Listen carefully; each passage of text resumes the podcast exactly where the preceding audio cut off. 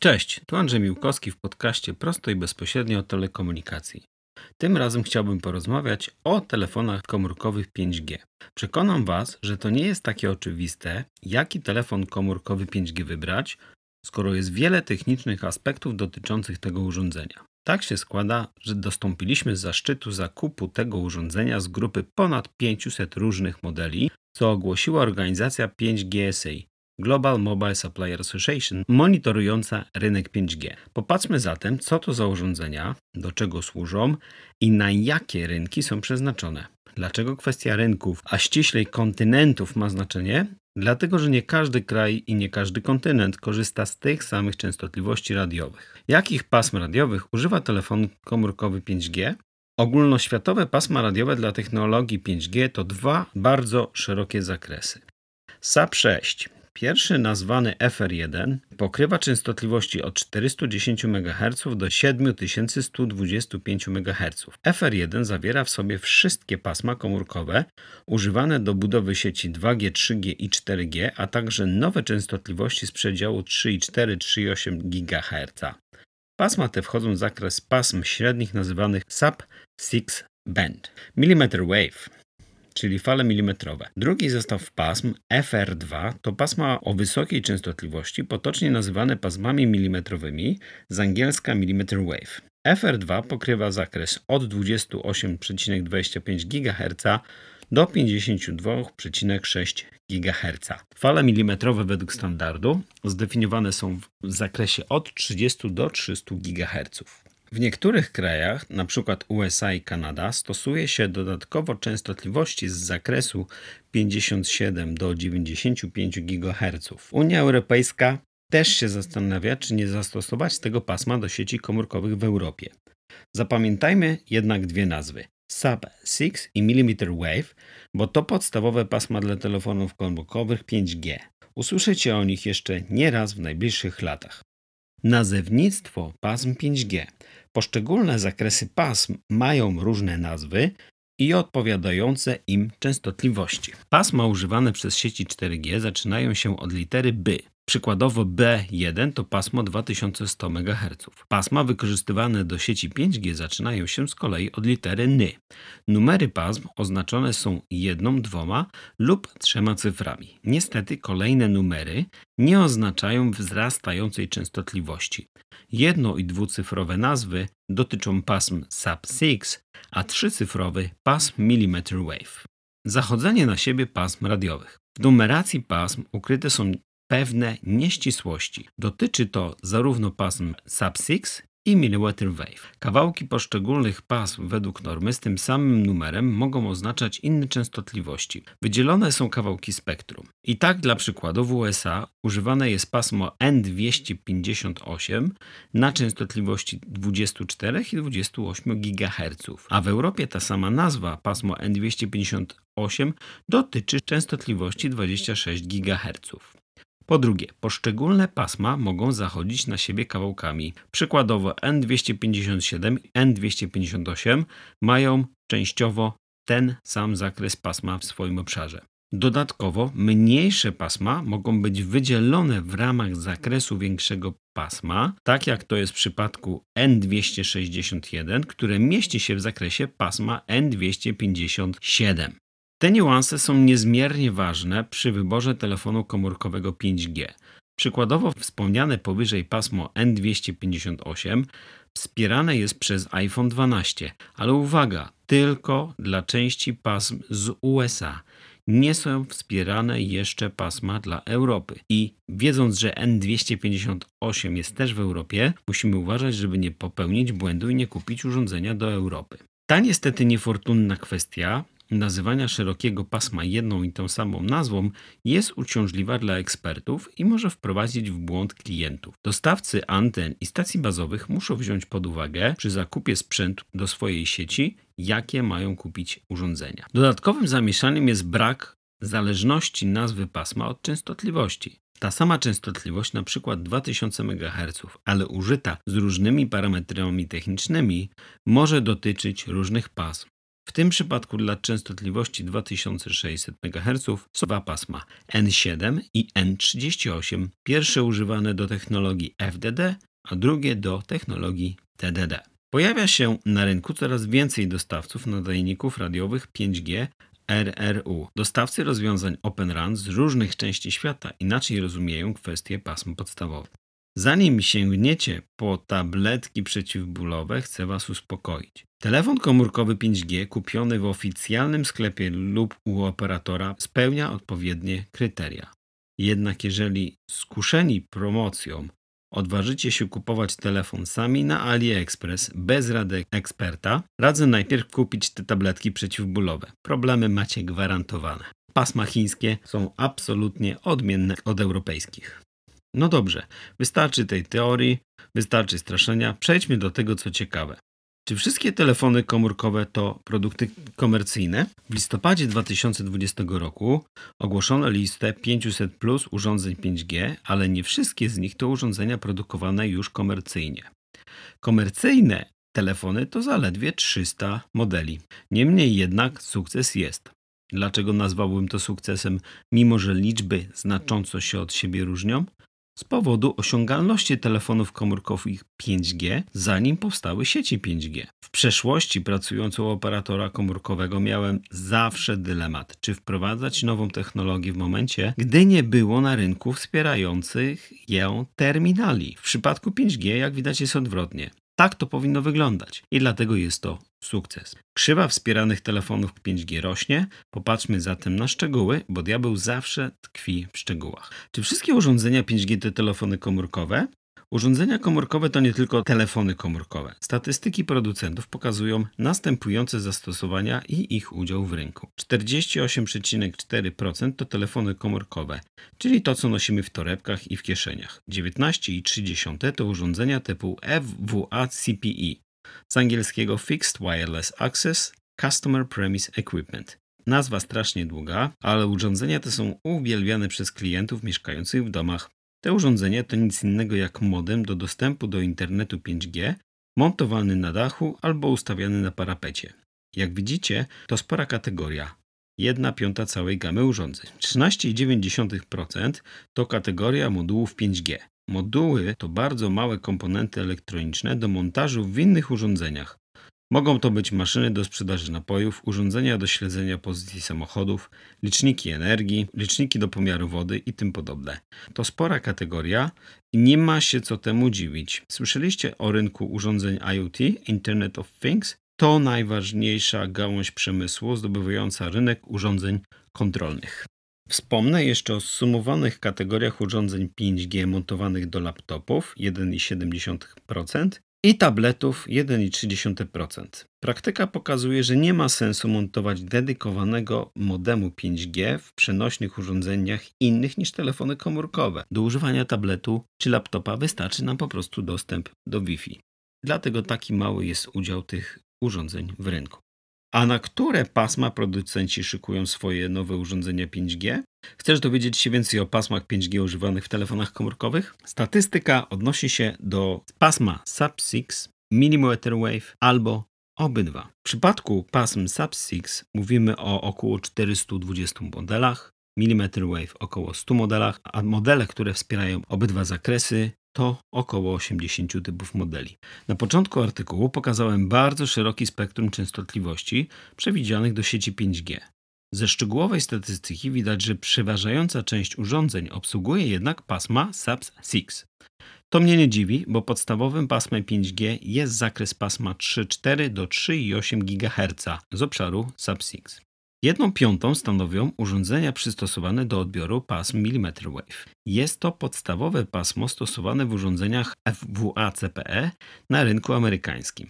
Pasma te są tam obecnie już od paru lat. Urząd Regulacyjny USA dużo wcześniej niż europejskie urzędy przydzielił pasma mm wave do użytku komercyjnego dla klientów indywidualnych. Przeszłości pasma millimeter wave były używane w Europie głównie do obsługi urządzeń transmisyjnych, tzw. Tak łączy mikrofalowych. Z tego też powodu nie można było ich przydzielić dla klientów komercyjnych. Najbardziej zaskoczył mnie jednak fakt, że mniej niż 20% typów terminali jest przygotowany do odbioru obydwu tych pasm FR1 i FR2. O tym fenomenie wspomniałem przy okazji artykułu o iPhone 12 i zapraszam do przeczytania artykułu na moim blogu prosto i bezpośrednio.pl. Zakres pasma N258 jest szeroki i tylko jego część pokrywa się z zakresem europejskim czy azjatyckim. W USA używa się już pasma N258 i to obsługują obecnie telefony komórkowe z 5G. Europa i Azja dopiero się przygotowują do wyboru i przydzielenia licencji na poszczególne zakresy pasm millimeter wave. W sumie to producent telefonu komórkowego decyduje, jakie pasma będą obsługiwane przez telefon, a to jest uzależnione od czynników ekonomicznych. Telefon komórkowy ma być jak najtańszy, patrząc z perspektywy producenta, nie klienta. To tak na marginesie. Ma mieć duży wyświetlacz, ma działać długo. Najdroższą częścią urządzenia komórkowego jest procesor radiowy, chipset, nazywajmy go w tym y, artykule dalej. To on odpowiada za obsługę różnych pasm radiowych. Więcej pasm obsługiwanych równocześnie oznacza większy pobór prądu, większy rozmiar i wyższą cenę telefonu komórkowego. Ma być tanio? To jest tanio. Chciałbym z Wami jeszcze popatrzeć, jakie dokładnie numery pasm są wspierane przez telefony komórkowe według tej statystyki. Wiemy już, że dominują terminale z zakresu pasm Sub-6. Jakie dokładnie częstotliwości są najpopularniejsze w tych telefonach, ma duże znaczenie dla operatorów komórkowych. Im więcej telefonów komórkowych jest w stanie działać na wybranej częstotliwości, tym większa szansa, że operator użyje tego pasma do budowy sieci 5G pokazuję, jakie to ma konsekwencje dla klientów na przykładzie pasma 2100 MHz po niższym zestawieniu. 2100 MHz dzisiaj jest używane przez klientów y, we wszystkich sieciach w Polsce. Przeanalizujmy szczegółowo statystykę poszczególnych pasm. Na pierwszym miejscu dominuje N78, czyli pasmo 3438 GHz. Jak już wspomniałem, to najważniejsze pasmo 5G. Ilość zatem nie dziwi. Na drugim miejscu jest pasmo N41 na częstotliwości 2500 MHz. To dość specyficzna częstotliwość używana od dość dawna przez operatorów komórkowych, głównie Sprint w USA. Trzecie miejsce zajmuje pasmo N1 na częstotliwości 2100 MHz. To pasmo używane jest przez operatorów komórkowych do sieci 3G UMTS i LTE, a ostatnio i 5G ze wsparciem technologii DSS. Polscy operatorzy dokładnie na tym samym paśmie uruchomili obecnie pierwowzory sieci 5G. Pisałem o tym w artykule o prawdziwym 5G. Zapraszam na mój blog. W tym przypadku jest to dla operatorów zaleta, bo mogą wdrożyć sieci 5G na już posiadanym paśmie. Dla klienta to jest niestety wada. Część zakresu 2100 MHz została przeznaczona do sieci 5G kosztem szybkości internetu 4G oraz koniecznością wyłączenia lokalnie sieci 3G. Od stycznia 2021 roku tak właśnie miejscami postąpił Play. Czwarte pasmo to zakres N77 od 3,3 GHz do 4,2 GHz, czyli trochę szersze niż pasmo N78 i N79. Pasmo N79 jest używane w Chinach i Japonii. Warto jeszcze chyba wspomnieć o paśmie N3 1800 MHz.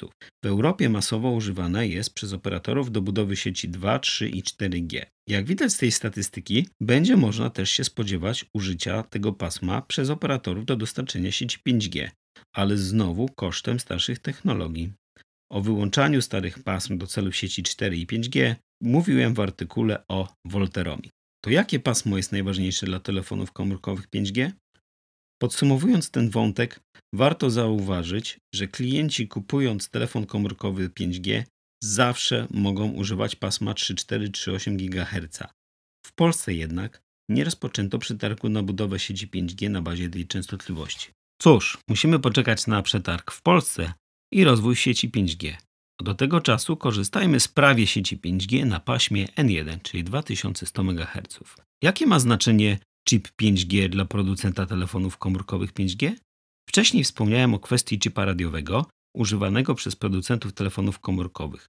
Okazuje się, że nie każdy producent telefonów może by sobie pozwolić na produkcję własnych chipów. Zaprojektowanie i produkcja chipu to bardzo drogi i skomplikowany proces. Z tego też powodu większość producentów, włącznie z flagowymi, kupuje chipy radiowe od partnerów. Pora poznać producentów kluczowych komponentów do telefonu komórkowego. Kto tak naprawdę produkuje chipy radiowe do telefonów komórkowych 5G? Ilość producentów chipów jest skromna, ale ich zyski astronomiczne.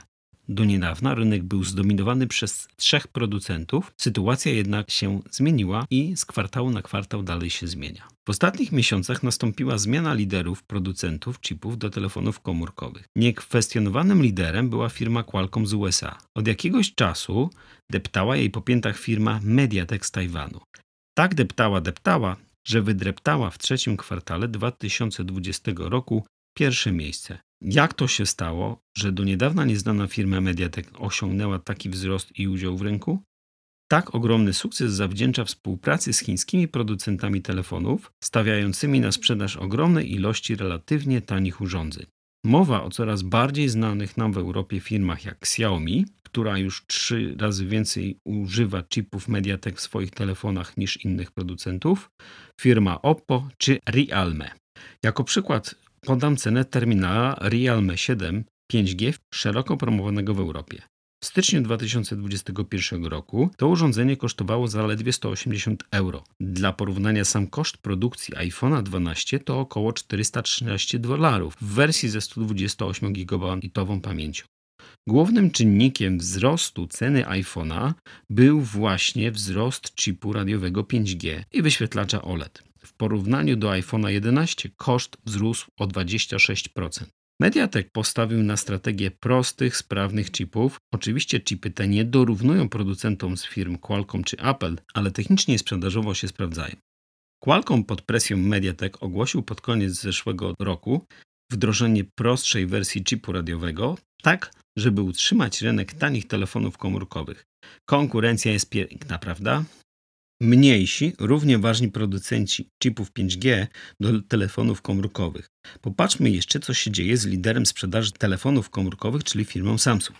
Samsung bazuje głównie na własnych procesorach z rodziny Exynos. Jednak traci udział w rynku, a ich największy rywal Apple z rodziną procesorów A powoli rośnie. Apple dzięki pierwszemu terminalowi 5G z własnym chipsetem z pewnością zacznie zdobywać tę część rynku. iPhone jest obecnie jednym z lepiej sprzedających się urządzeń 5G, a iPhone to jedna z niewielu marek na rynku, która jest kochana przez ludzi. Rzeczywiście, prawdziwie kochana. W przedostatnim zestawieniu producentem jest firma High Silicon, spółka zależna Huawei. Utrzymuje ona pozycję, ale nie może zbytnio się rozwijać ze względu na zakaz sprzedaży ich terminali w USA czy Australii. Piątym liczącym się graczem jest firma Unisoc z Chin. Z procesorów tej firmy korzystają tacy producenci jak ZT, Lenovo oraz wiele małych chińskich firm startujących w tej branży. Co ciekawe, nawet Samsung używa ich chipów do prostszych wersji telefonów komórkowych. Jak widzicie, kooperacja na tym polu jest dosyć duża. Zdecydowanie rynek chipów 5G zaczyna być domeną chińskich firm, a do tego sumarycznie prowadzą firmy azjatyckie. W kwestii producentów chipów 5G przyszłość jest jasna. Zdecydowanie azjatycka. Napomknę tylko, że cała wojna USA-Chiny rozpoczęła się od próby przejęcia firmy Qualcomm przez firmę Broadcom, która należy do przedsiębiorstw z Singapuru z powiązaniami chińskimi. Jak wspomniałem, procesor nierówny jest procesorowi.